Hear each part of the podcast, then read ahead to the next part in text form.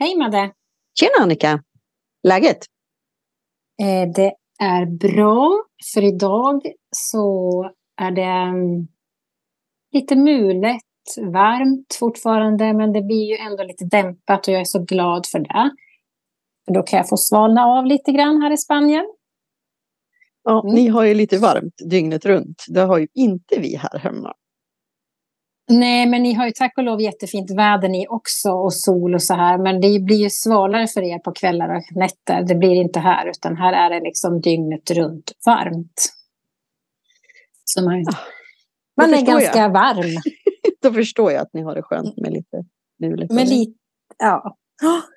Vi har ju haft en så mm. sjukt spännande diskussion här innan. Egentligen behöver vi spela in allt vi pratar om precis hela tiden. Men jag tror inte att det skulle vara så intressant för lyssnarna eftersom vi hoppar så himla mycket mellan så många olika ämnen. Ja, fast det är ju... Det, egentligen så ingår det ju i vår liksom, idé om att vi ska prata om livet. Och livet pågår hela tiden och det hoppar ju otroligt mycket i livet också. Ja. Men jag förstår. Alltså, om vi skulle visa våra lyssnare allt vi pratar om.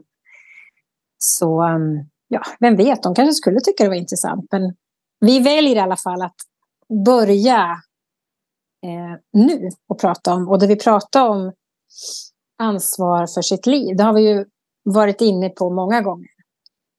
Ja, på många olika sätt. Och jag tänker också mm. att att det är ett ämne som, som liksom aldrig tar slut. Livet, ämnet om ämnen om livet tar aldrig slut. Därför att vi Nej. hör det ju hela tiden och upplever det utifrån där vi befinner oss.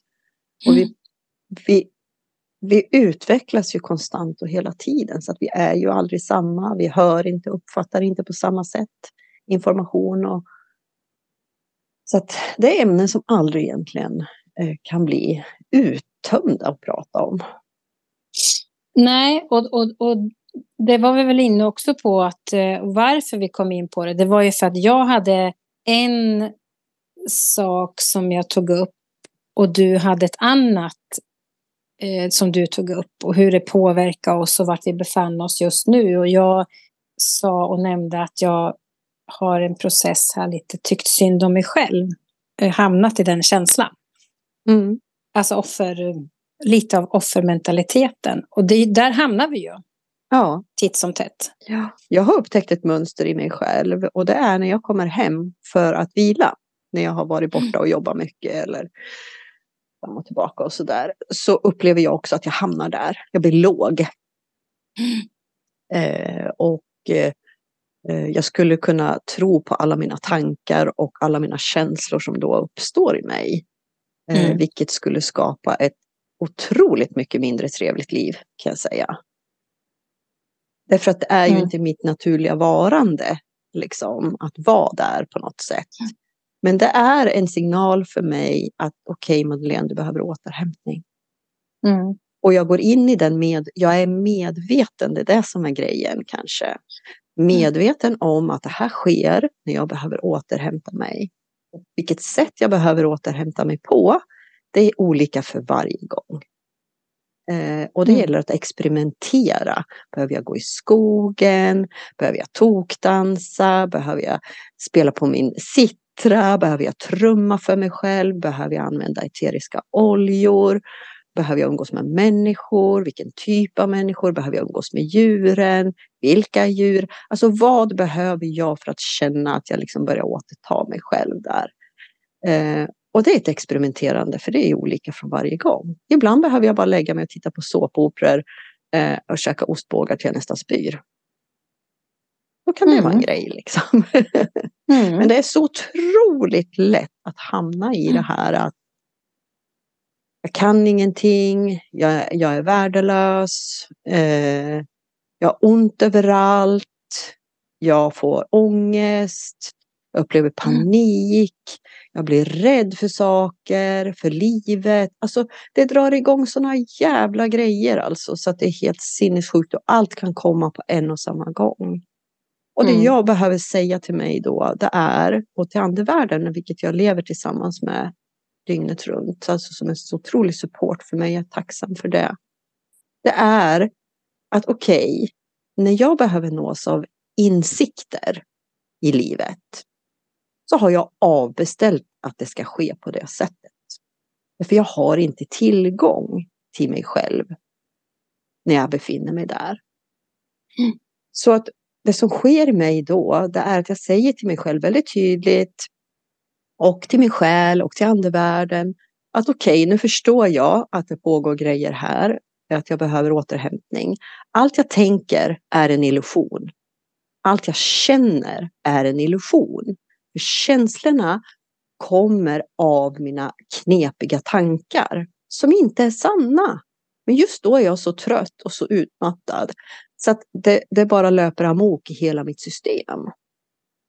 Och bara genom att säga till mig själv att okej, okay, jag vet att det här är en illusion. Det är ingenting, det är ingen information till mig om att jag behöver jobba med mig själv.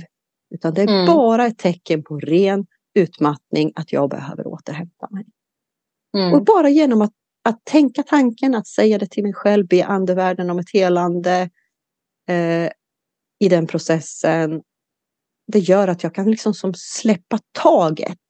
Det blir inte mm. lika krampaktigt. Det blir inte lika eh, brutalt utan jag kan som mer bara släppa taget och betrakta det här som sker i mig.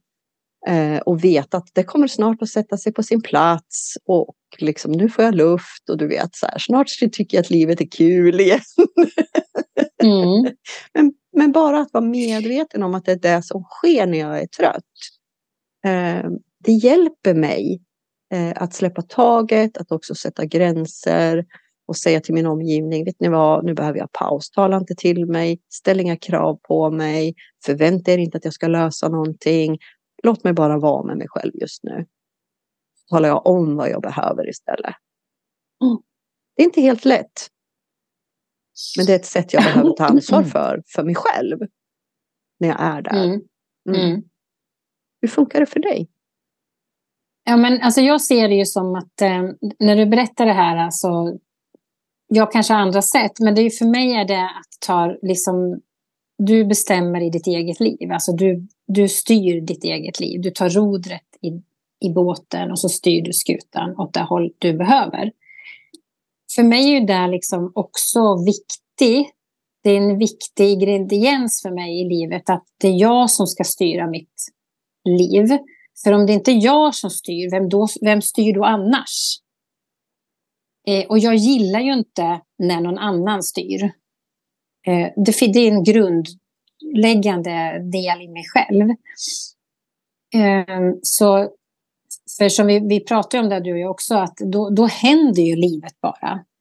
Ehm, så om du kommer hem efter att du har varit med om det du har varit med om i ditt jobb och du kommer hem liksom ganska naken. Man är ju ganska hudlös när man har jobbat, kan jag tänka mig, som du har gjort. Ehm, om du då skulle liksom, om du inte styrde ditt egna liv så skulle du kunna på ett killevipp bränna ut dig eller låta någon annan styra och bestämma. Eh, och då menar jag ju inte att någon dikterar villkoren, men bara att av att andra finns och påverkar dig, vilket sker, för så är det ju. Alla andra vi har omkring oss, allt som sker omkring oss påverkar oss på ett eller annat sätt. Vare sig vi vill eller inte. Men det är där jag känner att man behöver, eller jag behöver i alla fall, ta hand om det och lära mig och se. Eh, och jag kan säga då som berätta en händelse nu har jag lite lyxigt liv här nere. Jag går ner till stranden vid havet och sitter.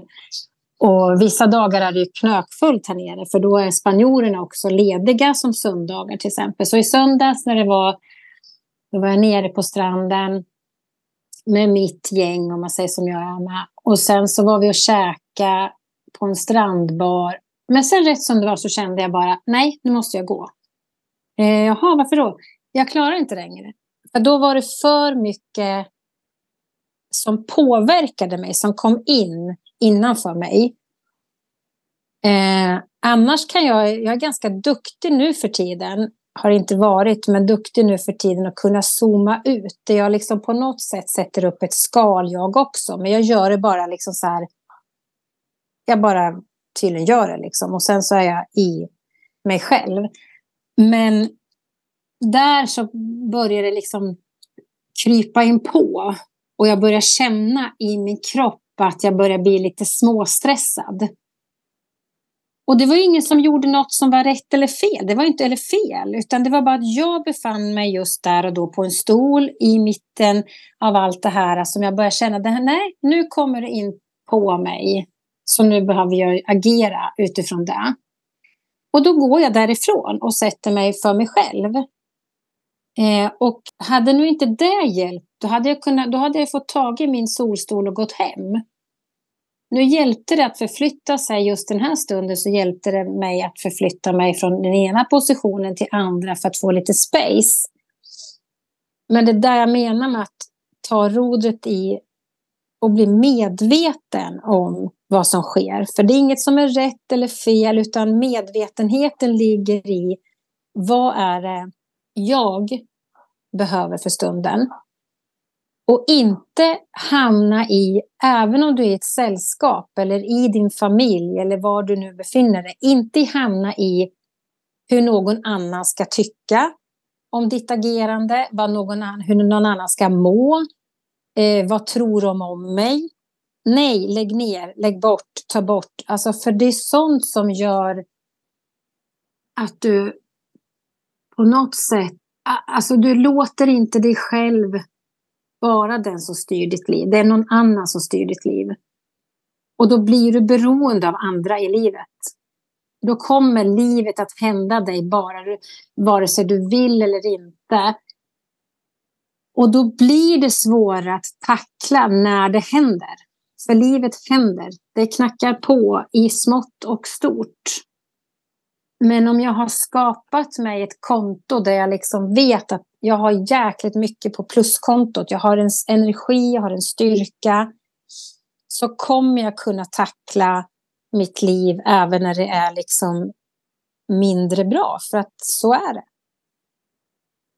Så jag, ja, och det här, det här är ju otroligt intressant. För att jag har haft lite cirklar och utvecklingscirklar hit och dit och fram och tillbaka. Börja med mediala utvecklingscirklar och sina förmågor och det här. Sen kände jag att den här med sensitiviteten låg på att, att människor som är sensitiva, hur kan jag hjälpa mig själv? Hur funkar jag? Hur funkar jag i relation till andra? Och, och sen mm. ytterligare mm. någon cirkel på det och du vet så här. Eh, och jag utvecklas ju tillsammans med mina deltagare naturligtvis. Jag får höra deras historier, jag känner hur de känner, jag ser vilka strategier de behöver ha på plats, vad de inte är medvetna om. Och det här är så olika för alla människor. Det är otroligt intressant för mig. Jag är så tacksam för, för de mötena med de här människorna som, som jag har och som jag har haft. Mm. Därför att det är precis det här du säger och vi använder ett uttryck nu när vi pratar som, som är medvetenhet. Mm. Att bli medveten om.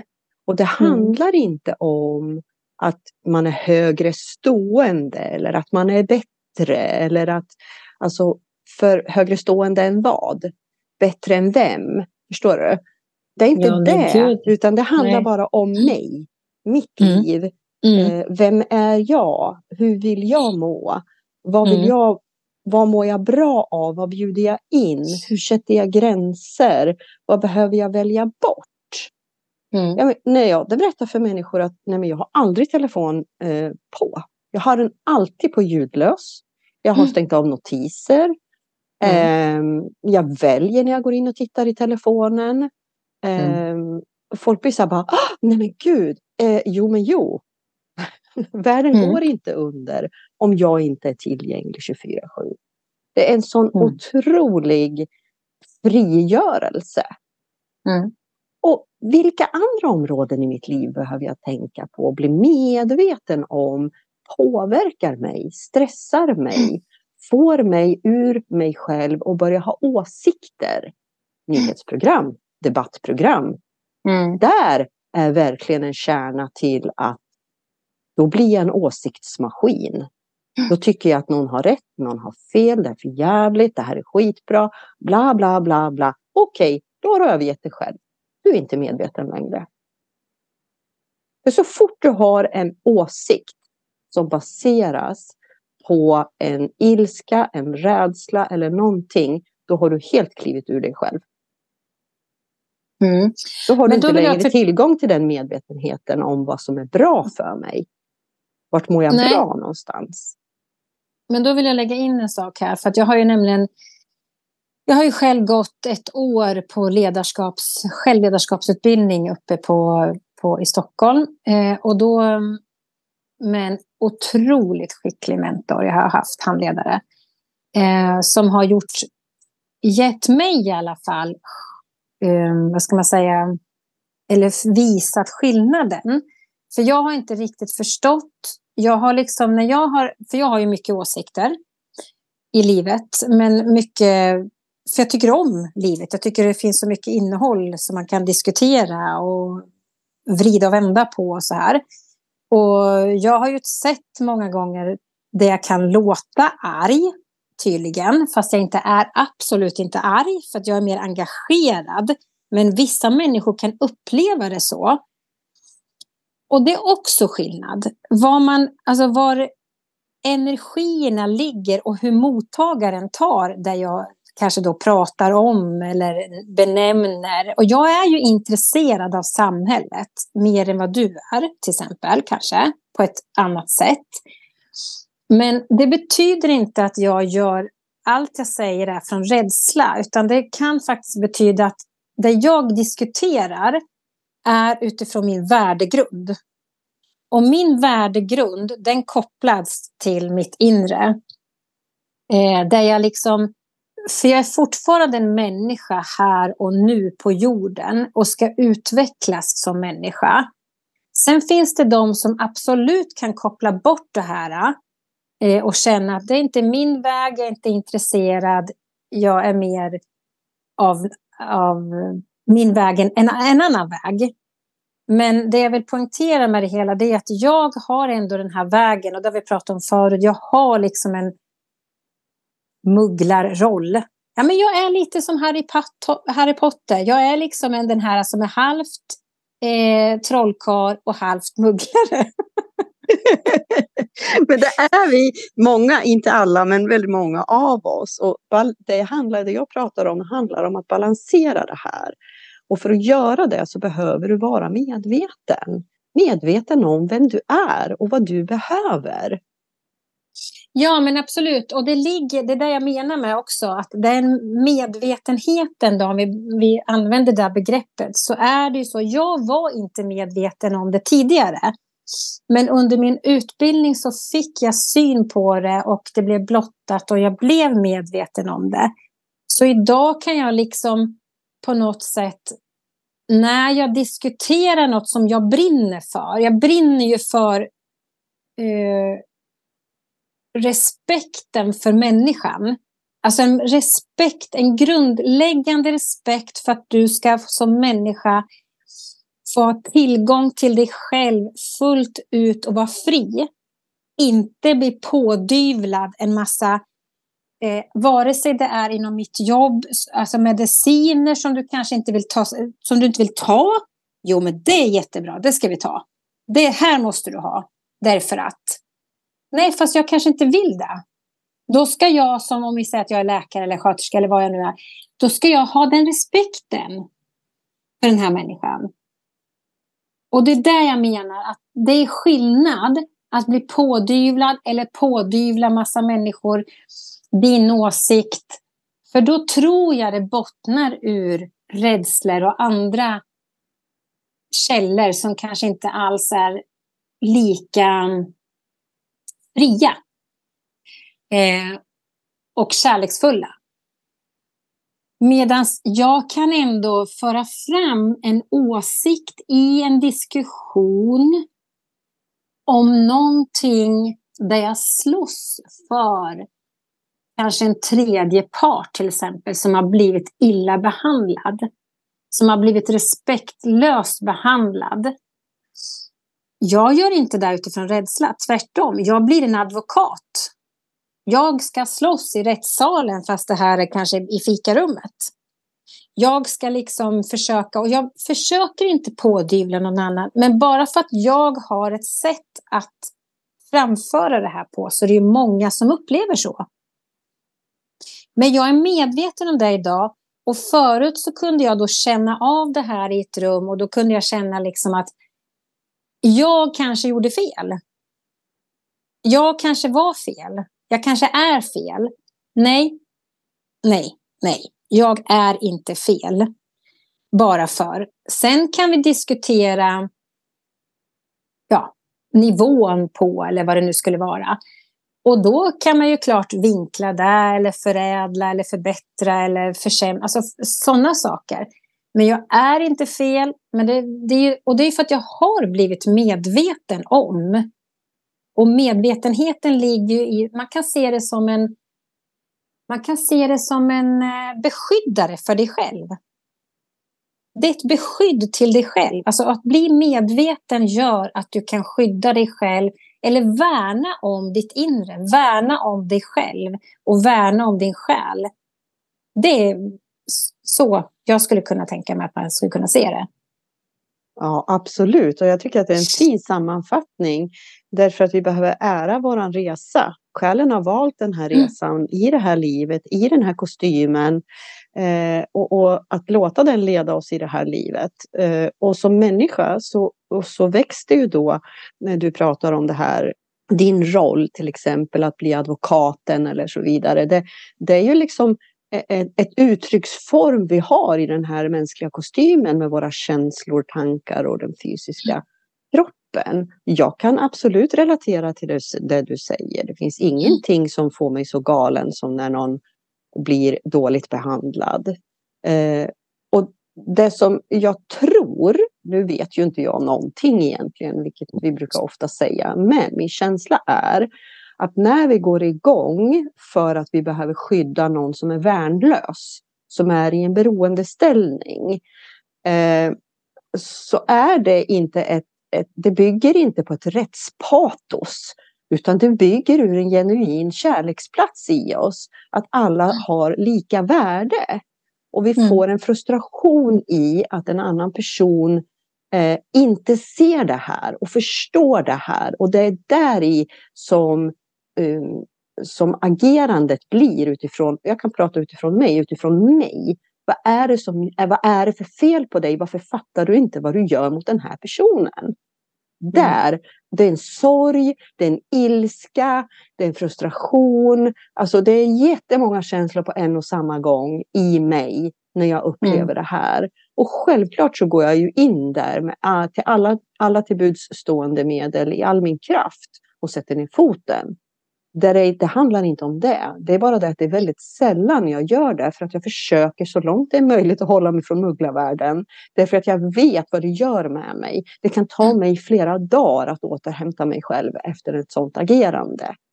Och det mm. är för att jag vet att jag har en annan plats på den här jorden. Jag har ett annat uppdrag än vad du har.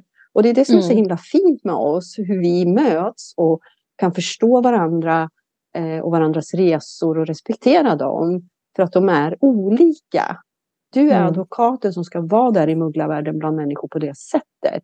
Medan jag gör nedslag när jag behöver vara där. Eh, mm. Men det är inte där som är mitt primära liksom, uppgift. Jag har en annan uppgift. Eh, mm.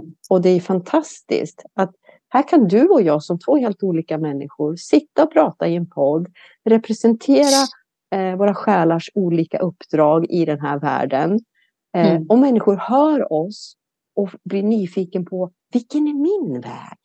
Vad är mm. mitt uppdrag? Vad behöver ja, jag, jag, för att bli medveten om vad jag behöver för att mm. göra mitt uppdrag? Mm. Det är fantastiskt häftigt. Nu går jag igång känner jag. ja, men det, ja, för det, det är någonstans vår intention från början, eller hur? Vi ville liksom dela med oss av våra diskussioner. Vi har ingen vi har inget syfte med att uppnå något annat än att få i så fall inspirera de som lyssnar till något i sitt liv. Och vad det är, det spelar ingen roll. Nej. Men nyckel till någon dörr, låset till någon, öppna litet fönster, vad som, om man nu ska prata symboliskt. Liksom, så. Men, men det är liksom det är just att få, um, det har vi ju sagt så många gånger, att vi vill båda på kanske olika sätt, men på egentligen gemensamt plan, få jobba med att inspirera andra till sin egen kraft och sin egen, ja, sitt eget roder i sitt egna liv. Ja, precis. För det som slår mig nu också när vi pratar, det är när jag pratar om det här med att tredje part blir drabbad. Om jag hamnar i en sån situation och jag blir alla mina de här känslorna väcks eh, och jag blir jättearg på den här personen som inte fattar vad är det den säger och gör och vad bidrar det med för den här människan som är i en, en utsatt position eller i en beroendeställning. Det är inte det att jag i, initialt så dömer jag den personen som dum i huvudet. Jag är människa, mm. jag gör det. Mm. Pang bom mm. säger det bara. Mm. Det som mm. sker i mig mm. efteråt, det är ju mm. att jag nås ju naturligtvis av insikten att den här personen förstår inte bättre. Nej, utan nej. Det, det den befinner sig, det är, inte, mm. det är inte fel, utan det är dens väg. Den har mm. inte nått eh, en medvetenhet. Nej. För jag tror inte att människor är elaka av naturen, utan det är bara det att vi inte är medvetna om vad resultatet blir om jag agerar, säger på det här sättet. Vad händer med den här människan då? Eh, som mm. är i beroendeställning, som inte har en förmåga att kunna uttrycka sig eller eh, klara sig själv utan beroende av att någon faktiskt är kärleksfull, närvarande, empatisk med mm. mig och min livssituation. Och, och, det är också någonting då som man får ta hand, jag får ta hand om det efteråt. Att okej, okay, jag förstår att den här personen inte är längre, alltså inte medveten, fine okej, okay, då får jag se det som att jag har gjort ett nedslag, kanske blivit arg, varit väldigt tydlig, som du brukar säga att jag kan vara i mitt uttryck. Eh, mm. Eh, och vad, antingen så har ju den här personen då eh, gått i försvar, kommer inte nås av någon tillgång av medvetenhet, tycker att jag är helt dum i huvudet och fel och allt vad det är för någonting. Och sen är det slut där. Mm. Eller så är det så att den personen någonstans glimmar till, öppnar något slags fönster i sig och börjar nå någon form av medvetenhet i sig själv. Fan, mm. ja, så där skulle man kanske tänka. Man kanske inte skulle göra. Okej, okay, jag kanske... Och så börjar det hända någonting i den människan. Det har växt mm. någonting. Vilket jag mm. lever verkligen mitt liv med den intentionen varje minut av varje dag av mitt liv att bidra till att människors frön väcks till liv. Att insikten når dem, att, att, att nå en större förståelse för sig själv, att, att inse att jag besitter kraften själv att kunna ta hand om mig och mitt liv. Jag vet min egen väg. Jag har tillgång till mina resurser. Jag är inte ensam, jag ingår i ett sammanhang. Alltså jag brinner så för för det arbetet verkligen. Mm. Eh, inte på jobbet bara utan genom att leva mitt liv och vara öppen med hur jag lever mitt liv. Ja, mm. end of story kände jag där. Och det är ju det är likadant för mig fast eh, vi, gör, vi tacklar det på ett annat sätt, det spelar, eller olika sätt. Det spelar ingen roll för att vi, det vi gör det är ju någonstans att vi vi väljer också vilket förhållningssätt vi har. Som du säger, vi kliver in som alla andra människor med att känna att du är dum i huvudet. Alltså ja. vad är det som händer? Varför är du elak? Eller varför möter du inte den här människan på rätt sätt? Eller bla bla bla. Sen kanske då vi har tillgång till en större medvetenhet som gör att vi switchar om snabbt och känner okej, okay, vänta nu. Det var inte bra, men eh, personen kan inte bättre, förstår inte bättre. Och att vi landar där många gånger. Och det är en medvetenhet som vi har jobbat oss fram till, för det är inget som kommer gratis. Utan våra, förhållningssättet vi har till oss själva, till livet, det är där du behöver jobba med och det behöver vi träna och träna och träna och åter träna på, för det är inget som kommer gratis. Nej, och vi kommer alltid åka dit på ett eller annat sätt. Mm. Eh, och, och jag brukar ofta i livet säga så här, jag dömer ingen. Eh, vilket jag i grunden absolut inte gör. Jag kan förstå att det finns en bakgrund till varför människor beter sig som de gör. Eh, jag behöver mm. däremot inte acceptera det när det drabbar mig eller någon Nej. i min omgivning eller som vi pratar om här tredje part.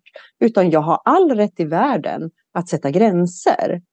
Om Oh det är ja, någonting oh ja. som ligger nära mig känslomässigt så kommer jag att gå igång och tänka vad är det för fel på dig?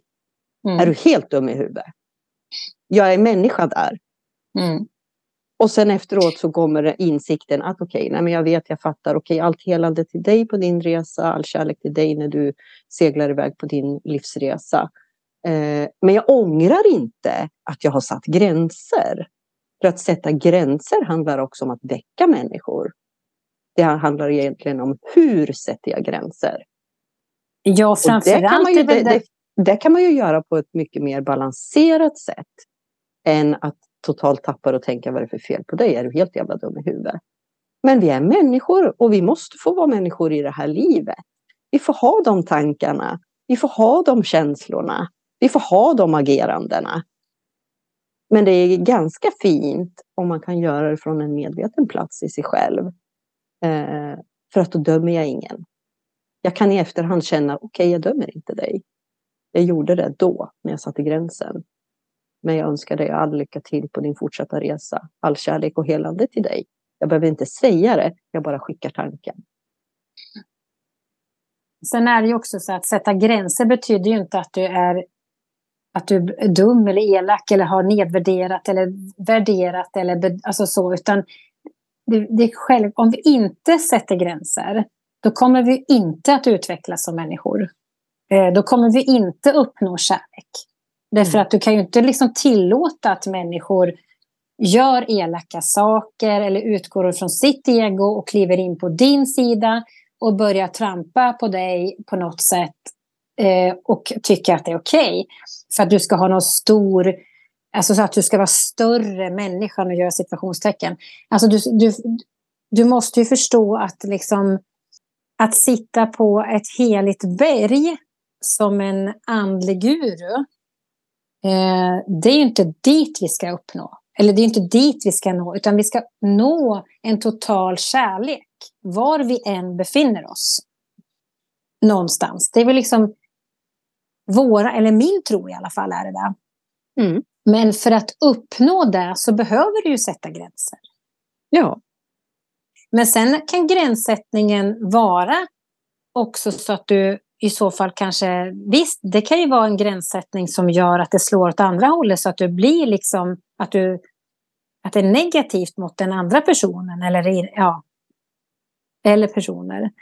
Eh, men det kan också bli rätt så att det blir en gränssättning där den personen kanske, det sås ett frö att, att okej, okay, det här, nu klev jag för långt. Eller här var inte respekten med. Eller här gjorde jag illa någon till och med.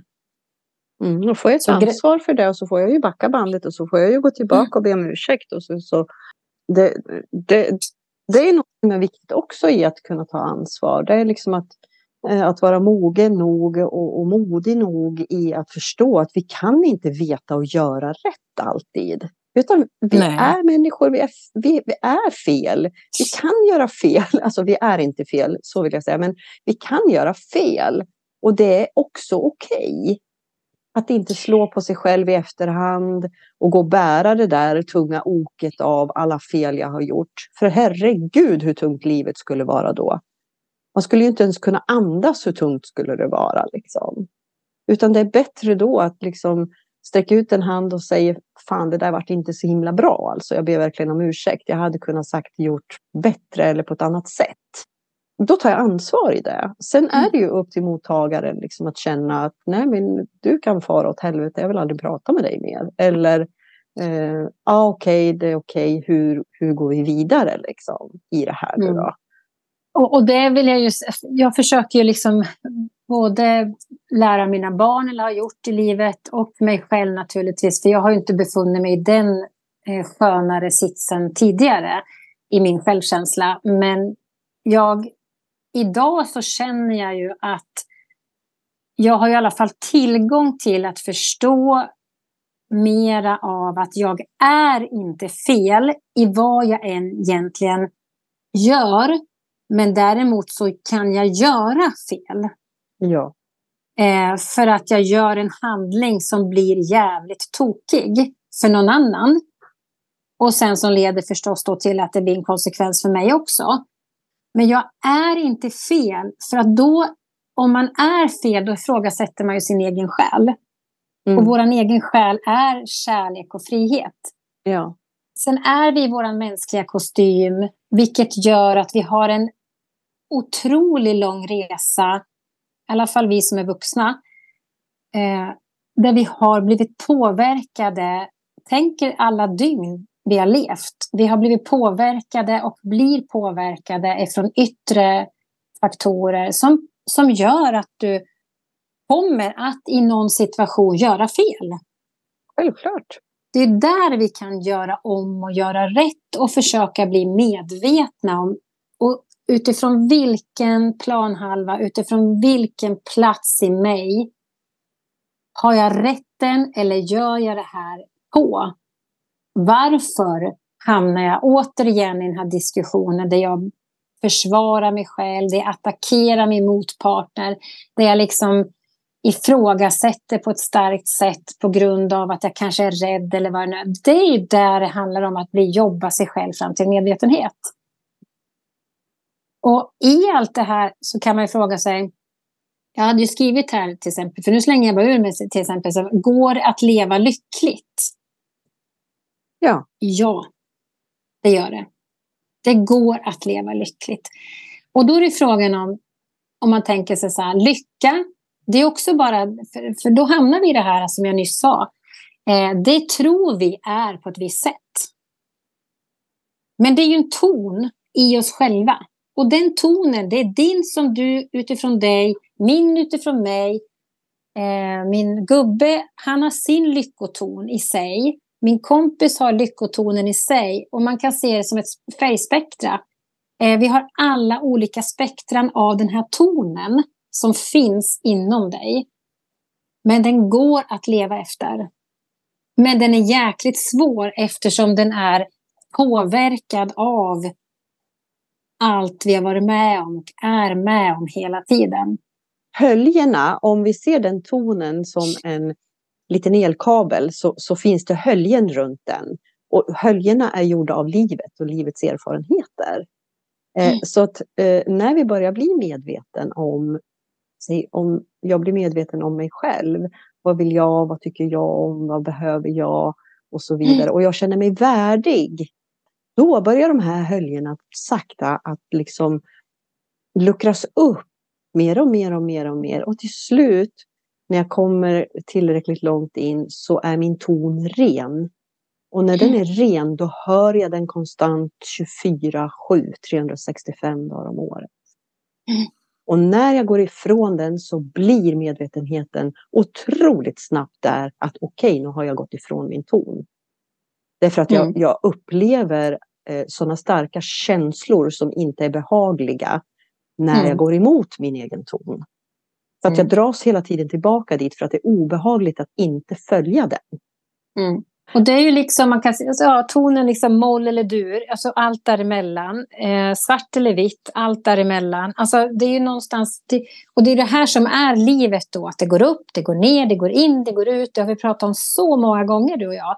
Men vi åt, och det är jättebra att påminna sig själv igen mm. om att det är så det är. Eh, men skillnaden på att vara omedveten eller medveten är då att, som du säger Madde, att när du kliver ut och det går emot en ton som du bara skriker i dig så känner du oj, här vill jag inte vara. Mm. Aj, här gjorde det ont. Mm. Eh, och oj, då här var det obehagligt liksom... på något sätt. Ja, mm. och då kan du för att skydda dig själv, och det är inget fel, alltså hjälpa dig själv, vårda dig själv, ömma för dig själv, respektera dig själv, kliva in och tillbaks i dig själv. Och vad den platsen är någonstans, den är ju olika för alla. Ja, och vägen dit är olika unik för oss alla. Redskapen mm. jag behöver för att nås av de här insikterna är olika mm. för oss alla. Men det mm. finns mm. ett rätt sätt för alla. Ja, och det Ingen går att leva lyckligt. Ja, ingen är undantagen. Liksom. Så, och ibland behöver vi hålla någon i handen på den resan för att känna att, att jag liksom hittar dit. Ibland behöver jag göra resan för mig själv. Eh, mm. Ibland behöver jag göra den tillsammans med flera andra. Alltså det, ibland behöver jag, alltså vad behöver jag för att känna mm. att var spelar min ton som renast liksom, på något sätt. Och det är det, det, jag tänker så här, om vi ser att den här tonen är själens ton, mm. så föds den in i en kropp. mm. eh, och sen lever vi det här livet. Och det är det den är här för. För alla dessa fantastiska upplevelser, både i motgång och i medgång. För mm. att hitta tillbaka till den. Det är det livsresan egentligen handlar om. När det handlar mm. om din egen resa. Sen har du ju också mm. uppdrag i det här livet utifrån din unika ton. Att bidra till mm. allt det. Liksom. Och det är så sjukt häftigt att uppleva den här resan. Livet gör jävligt ont ibland. Det är fruktansvärt obehagligt. Eh, och ingen är undantagen Nej. den resan.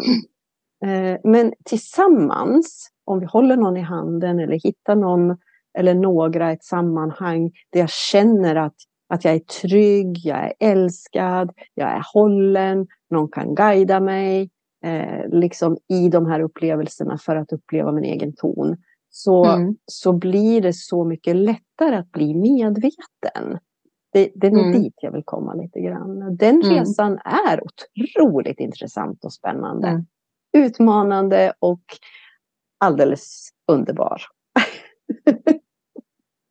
ja, och det är ju där liksom, livet kan liksom vara så mycket. Ja. Så himla mycket. Med, ja. med och, och, vi kan, och, och, det jag också tycker är intressant det är just att vi kan välja. Eh, för det är ingen annan. Alltså, det spelar ingen roll, det här är utmanande det jag säger nu. Men vad du än är med om så kan du välja ditt förhållningssätt till det du är med om. Och hur du ska agera på det och hur du ska göra, vad du ska göra av det sen. Och det, det är säkert jättetufft många gånger när man sitter i, i en sits där man absolut inte känner, tror sig att jag har några valmöjligheter. Men det har du. Jag, jag, känner nu att jag behöver dela en, en episod i mitt liv eh, där jag under flera, flera år eh, satt i en livssituation, i en relation som inte var bra för mig. Eh, den var inte bra någonstans. Eh, men vi hade köpt ett hus eh, och jag såg ingen väg ut ur det här. Jag kunde inte ta mig ur det här. För vad skulle det resultera till? Det skulle resultera till att jag skulle bli skyldig pengar som jag då trodde och såg det som för resten av mitt liv. Alltså mm. jag skulle inte överleva. Jag hade barn att ta hand om. Jag hade liksom ansvar i livet. Liksom. Jag såg ingen väg utan jag satt i den här relationen och kunde inte liksom ta mig någonstans. När jag kommer till vägs ände någonstans i det här eh, så fanns det inget alternativ annat än att okej, okay, jag får gå härifrån och ha skulder resten av mitt liv. Eh, för det, här, jag, jag, det går inte längre. Det går inte, det funkar inte längre. Och när jag väl fattar beslutet, öppnar dörren och kliver ut med ungarna under armen, liksom, eh, så öppnade sig livet för mig med människor som kom, varifrån vet jag inte, och hjälpte mig i den här processen. Känslomässigt, ekonomiskt, eh, med support på alla möjliga sätt och vis. Eh, och det jag bara behövde göra, det var att säga ja tack. Det är fint. Ja, det var fantastiskt. Mm. Men hur många år satt jag inte där och, och slogs med mig själv. När tonen i min själ visste precis vart jag skulle. Men jaget vågade inte ta steget och ha tillit till livet. Att livet skulle bära mig. Eh, och när jag väl tackar ja till livet, för att jag hade inget annat val, ja, då, då bara löste sig livet. Och det här var en jävligt tuff period av mitt liv och har påverkat hela mitt liv eh, mm. naturligtvis. Mm. Eh, på många sätt. Såklart. Mm. Ja. Men jag tänker då, då, då hände ju livet dig ja. någonstans. Eh, och ett tag där så befann du dig i krampaktiga känslor, negativitet och många kan hamna i bitterhet och så här att livet är inte schysst. Men du valde till slut att ta modet till dig och kliva ut. Innan var du beroende av andra, trodde du. När du sen klev ut, då var du egentligen inte beroende av andra. För du hade redan tagit ditt modiga beslut att kliva ut och ta hand om det här själv. Men då kom folk till dig istället. Ja. Och hjälpte dig. Mm. Och det är en stor skillnad i energier, det är stor skillnad i intentioner eh, och, och, allt det här. Eh, och det, det, är väl lite där vi cirkulerar kring i vårt samtal hela tiden. I skillnaden på att välja det ena eller andra. Men man har, och det spelar ingen roll om du väljer det ena eller andra, men du har valmöjligheter. Det kan ingen annan säga någonting om. Nej, jag hade absolut det under hela tiden. Det var bara det att mm. jag såg inte det då. Nej. Därför att jag var Nej. så rädd. Absolut. Och rädslan är en enorm kraft. Mm. Jag, jag, tror aldrig att jag upplevde känslan av att jag inte var värdig. Den har jag nog alltid burit med mig. Att jag, att jag är värdig att ha ett bra liv. Jag är värdig att må bra. Eh, mm. Den har nog jag aldrig tvivlat på. Eh, men däremot så var jag rädd för det praktiska livet. Jag var rädd för mm. livet. Allt som har med praktiska mm. livet att göra. Mm. Ehm, där hade jag min största, största rädsla. Ehm, mm. Och egentligen så är det det minsta vi behöver vara rädda för. Mm. jag har en annan tanke på det här. Eh, nu, nu kanske jag sticker ut igen, men nu öppnar jag upp för det här. Att, eh, om man tänker sig så här att vi, för jag har ju också haft situationer där jag liksom har till slut pressats till att det är en ohållbar situation. Jag måste agera. Den blir så stark på något sätt. De flesta gör någonting till slut utav det när det blir för negativt. Inte alla tyvärr. En del får tyvärr råka illa ut för att någon annan gör saker. Det vet vi. Eh, nej, men jag vet inte vad... I alla fall, det här med när man liksom ska hitta en väg till förändring då, så kan det många gånger vara alltså att man, man, man, blir passiv för att det är så mycket starka känslor. Det är så mycket om och men och man vet inte om man vågar och allting och det är rädsla som styr. Men många gånger till slut så blir det ändå att de flesta eh, gör någonting. Eh, och så blir livet så mycket bättre. Eh, I alla fall.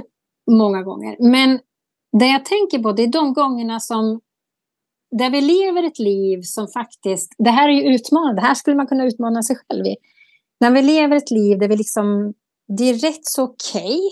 vi har inga större saker i relationerna som påverkar en sådär, utan man har accepterat det.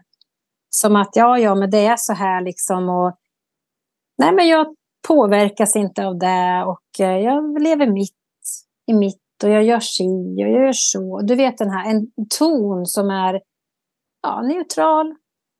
Kan det, finns det möjlighet, alltså där tänker jag hur många utmanar sig själv där i att förändra och gör man det och kan det leda till något som, ja, det kan ju alltid leda till en utveckling, så är det ju. Det tror jag på i alla fall i alla lägen. Men förstår du vad jag menar? Att man... Jag tänker så här, som jag sa, går det att leva lyckligt? Ja. Ja, vad är lycka för mig då? Det måste jag först och främst ta reda på. Men om jag vill ha en ton i mig själv som ligger högt, i, det är mitt sätt att se att lycka. Eh, om jag nu skulle vilja nå det och jag ligger någonstans liksom hela tiden på något lägre, Kommer jag våga utmana mig själv till att ta steg som gör att jag kan komma upp där? Eller kommer jag liksom resten av mitt liv acceptera? Mm. Den är spännande. Jag tror att vi har olika livsresor där ja, nu sa... säger nu, nu ja. ja. precis. Ja, eh, mm. Jag vet inte om jag... Men, men i alla fall, jag tänker att det är lite utmanande. För jag tror att det är mycket lättare ja. om du har en situation och framförallt om det är hot om ditt liv. Mm. Men det var där jag att tyvärr så kommer inte alla dit. Att de eh, kan rädda sig själva. Nej, eh, nej av olika anledningar.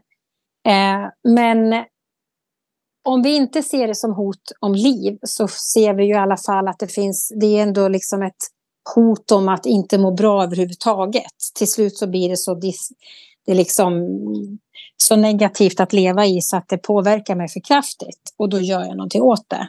Mm. Ja, för att vägen till evig utveckling ligger öppen för oss alla.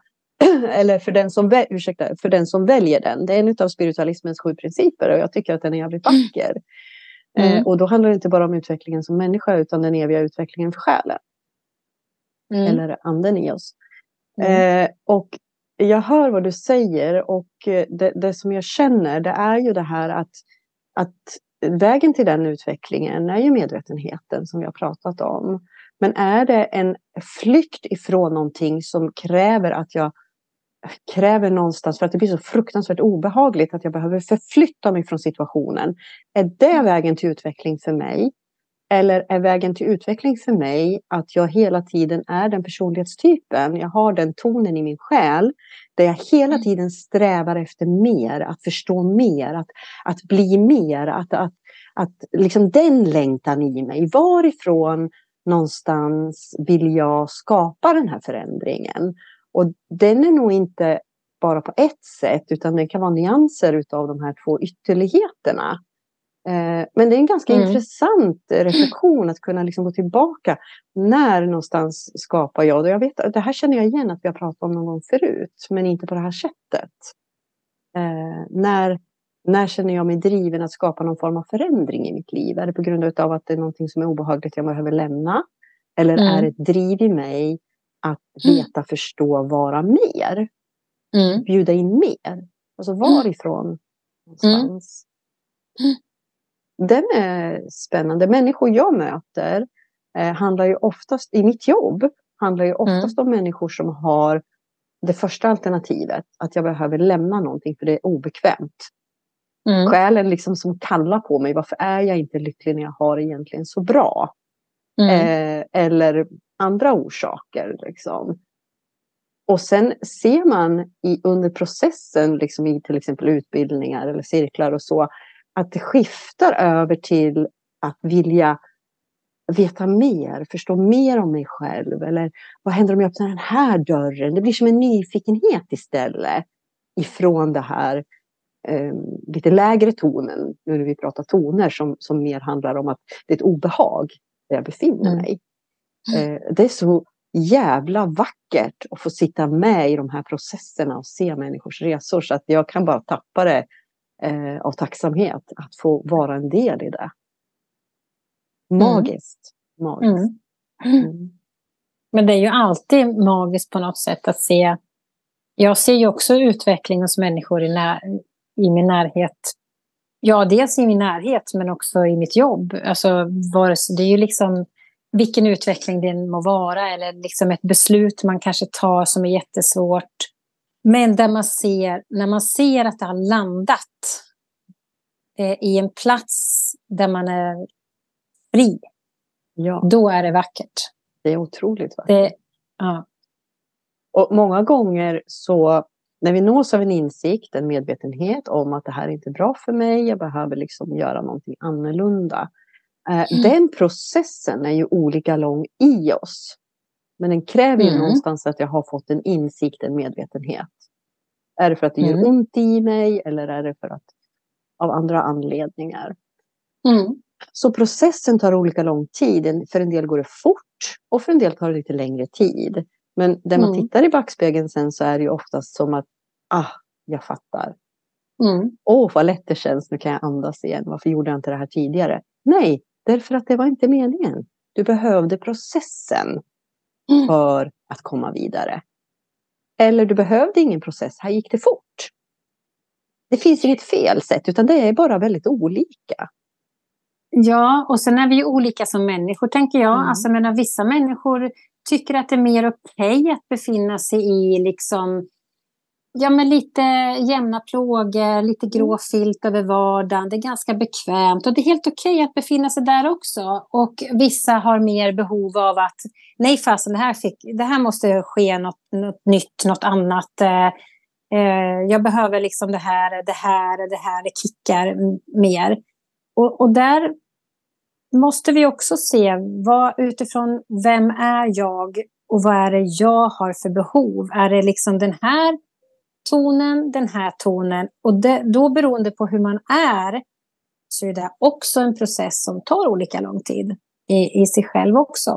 Eh, och då menar jag som person eller egenskap. Alltså men, den mänskliga kostymen pratar jag om nu då. Ja. Men, men det är i alla fall så är det, det är ju spännande. Eh, det är en spännande fråga och det är en spännande fråga som man kan ställa sig själv också. Eller jag kan ställa mig själv. Mm. Mm. För mig så handlar det många gånger om när jag ställer den här frågan till mig själv, vilket jag gör lite nu och då. Och så har jag årsmöten med mig själv och eh, kvartalsgenomgångar. Och, alltså jag gör det här ganska medvetet i mitt liv faktiskt. Så handlar det alltid, det är alltid en, en sak som driver mig och det är känslan av att vara fri. Känslan av att vara fri i att vara hela jag, liksom på något sätt. Och jag Mm. vet att det är en illusion, för själen är ju alltid fri. Det handlar ju bara om min uppfattningsförmåga, liksom hur jag väljer att se saker och ting. Men Mm. hur kan jag uppleva, alltså upplever jag att jag är fri liksom, i mitt liv, Mm. i alla de, alla de delarna som finns i mitt liv? Och när jag inte gör det så skaver det. Alltså det blir väldigt starkt för mig att jag upplever inte frihet i någon del. Och då behöver jag agera på den. Mm. Eh, eller så behöver jag vända det till att se på det på ett annat sätt. Till exempel det här med att våga tacka ja när människor erbjuder sin hjälp. Eh, det är en fantastisk väg till fri, upplevd frihet. Människor erbjuder inte sin hjälp om de inte menar det. Det ansvaret måste vi låta människan som erbjuder hjälpen själv få ta. Eh, Mm. Om vi är ju faktiskt ett släkte där vi tycker om att få vara till hjälp för varandra. Så varför ska Mm. jag säga nej och stoppa då den möjligheten men någon människa har som vill erbjuda sin hjälp till mig? Varför, varför skulle jag liksom stoppa det? Nej, då Nej. säger jag tack. Tack. Mm. Mm. Om jag känner att jag behöver den hjälpen. Helt enkelt. Mm. Mm. Ja, så för att knyta ihop det här samtalet så eh, vem har rodret i ditt liv? Mm. Vem ska styra? Går det att vara lycklig? Medvetenhet liksom om Mm. sitt liv. Mm. Jag måste få lägga till här, för det är någonting som har hänt under de sista 14 dagarna. Att jag har hört väldigt många människor säga, ja, jag Mm. vet men. Och ni vet, jag har sagt det här förut, att när människor säger så till mig så drar jag för jalusiet och så känner jag att det finns liksom ingenting här. Men när det här Mm. händer gång på gång på gång på gång så känner jag att här finns det någonting viktigt jag behöver säga. Eller det- är någonting som ligger här som jag behöver få syn på. Liksom. Eh, och det kan vara det att ja, jag vet men. Eller Mm. jag ska bara eh, vila mig frisk. Eller jag ska bara... Eh, jag vet att jag vill ha någon förändring men jag ser inte vägen framåt. Jag vet att det finns flera vägar men jag ser inte vilken jag ska ta. Eller ni vet det här. Och min Mm. fråga blir alltid då. Om du släpper ja, jag vet men och du måste vila dig frisk. Eller om du släpper vilken väg ska jag gå? Och bara gå tillbaka till dig själv och känner var upplever jag glädje någonstans? Var upplever jag känslan av frihet? Vad kickar mig? Var behöver jag vara för att uppleva de här känslorna i mig? Är det hoppa bungee jump? Eh, är det att eh, eh, lära mig eh, cykla eller springa ett maraton eller ha en stor fest och bjuda in alla människor jag älskar. Vart någonstans? För om jag hittar den känslan, kan frammana den bilden, den situationen och uppleva det här som kickar mig, så frigör du kraft. Vilket gör att du lättare kommer att se vilken väg du ska välja. Du kommer lättare att återta din kraft, för du kan inte vila dig stark. Det är bara så. Vi behöver movement, vi behöver rörelse för att komma vidare framåt. vi kan inte vara i, ren passivitet. Eh, och tro att vi kan komma framåt därifrån. För där finns ingen drivkraft. Eh, jag skickar bara med den som en, och den kommer att landa mm. där den är menad att landa. Eh, jag kände bara att det var viktigt att dela den. Mm, mm. Så. Den tillhör det medvetna. Ja. Medvetenheten om ditt egna liv. Mm. Absolut. Så innan vi avrundar mm. nu så har Annika och mm. jag en idé om eh, vad vi skulle vilja bjuda in till våran podd. Eh. Och som ni har hört så är Annika och jag två helt skilda personer med två helt olika sätt att se på saker men med samma intention om att få bidra. Eh, så vi vill bjuda in dig som lyssnar om du har en livsfråga, om du har någonting du känner att det här behöver jag förstå för att komma vidare i mitt liv eller ehm, varför gör jag så här hela tiden? Varför hamnar jag i de här situationerna? Vad som egentligen i ditt liv som du känner att det här behöver jag en större insikt om för att ta mig vidare. Då vill vi göra ett experiment med dig. Eh, så att mejla in i så fall eh, till oss. Och mejladressen kan jag inte i huvudet men den ligger i vår poddbeskrivning. Eh, så jag kan lägga ut den på sociala medier också. Eh, Mejla in din, din önskan eh, så kommer våran fantastiska Samson att ta emot det här. Och det vi gör sen är att vi bokar en tid med dig. Annika bokar en tid med dig och har en konsultation, ett samtal med dig. Eh, och jag kommer sen att boka en tid med dig och ha en konsultation med dig. Eh, där vi utifrån våra olika sätt att se på livet, vårt olika sätt att arbeta, eh, kommer att eh, kunna kanske på något sätt bidra till din resa framåt. Och det här kommer vi att spela in och ha som avsnitt i podden. Så känner du dig nyfiken på det här eh, så är du varmt välkommen att, att eh, kontakta oss. Och vi, vi kommer inte att veta någonting innan om din frågeställning utan det är Samson som kommer att ta hand om och ta emot det. Vi kör det som ett experiment och ser vad vi kan bidra med. Och man är anonym utåt? Självklart. Mm. Så man vet om att man är anonym. Ja finns, det är inte så att vi outar för alla andra. Och eh, vi är ju också, varför vi gör det, är ju vår nyfikenhet på om vi kan, eh, utan att jag, vi är ju liksom eh, olika som sagt, men vi är vi nyfikna själva på om man kan ge en möjlighet till ett större spektra, en större vinkel, helhetsperspektiv utifrån våra olika erfarenheter, olika kompetenser och kunna bidra med. Det är där vi liksom också vill se. Vi vill, vi vill utforska det. Mm.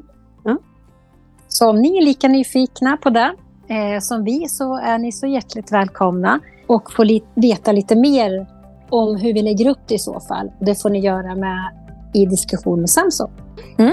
Så, tusen tack Annika för den här gången. Tusen tack, Madde. Nu sätter vi på oss våra hudar och sen går vi ut. Eller ja, jag ska nog inte gå ut för det här regnar det faktiskt.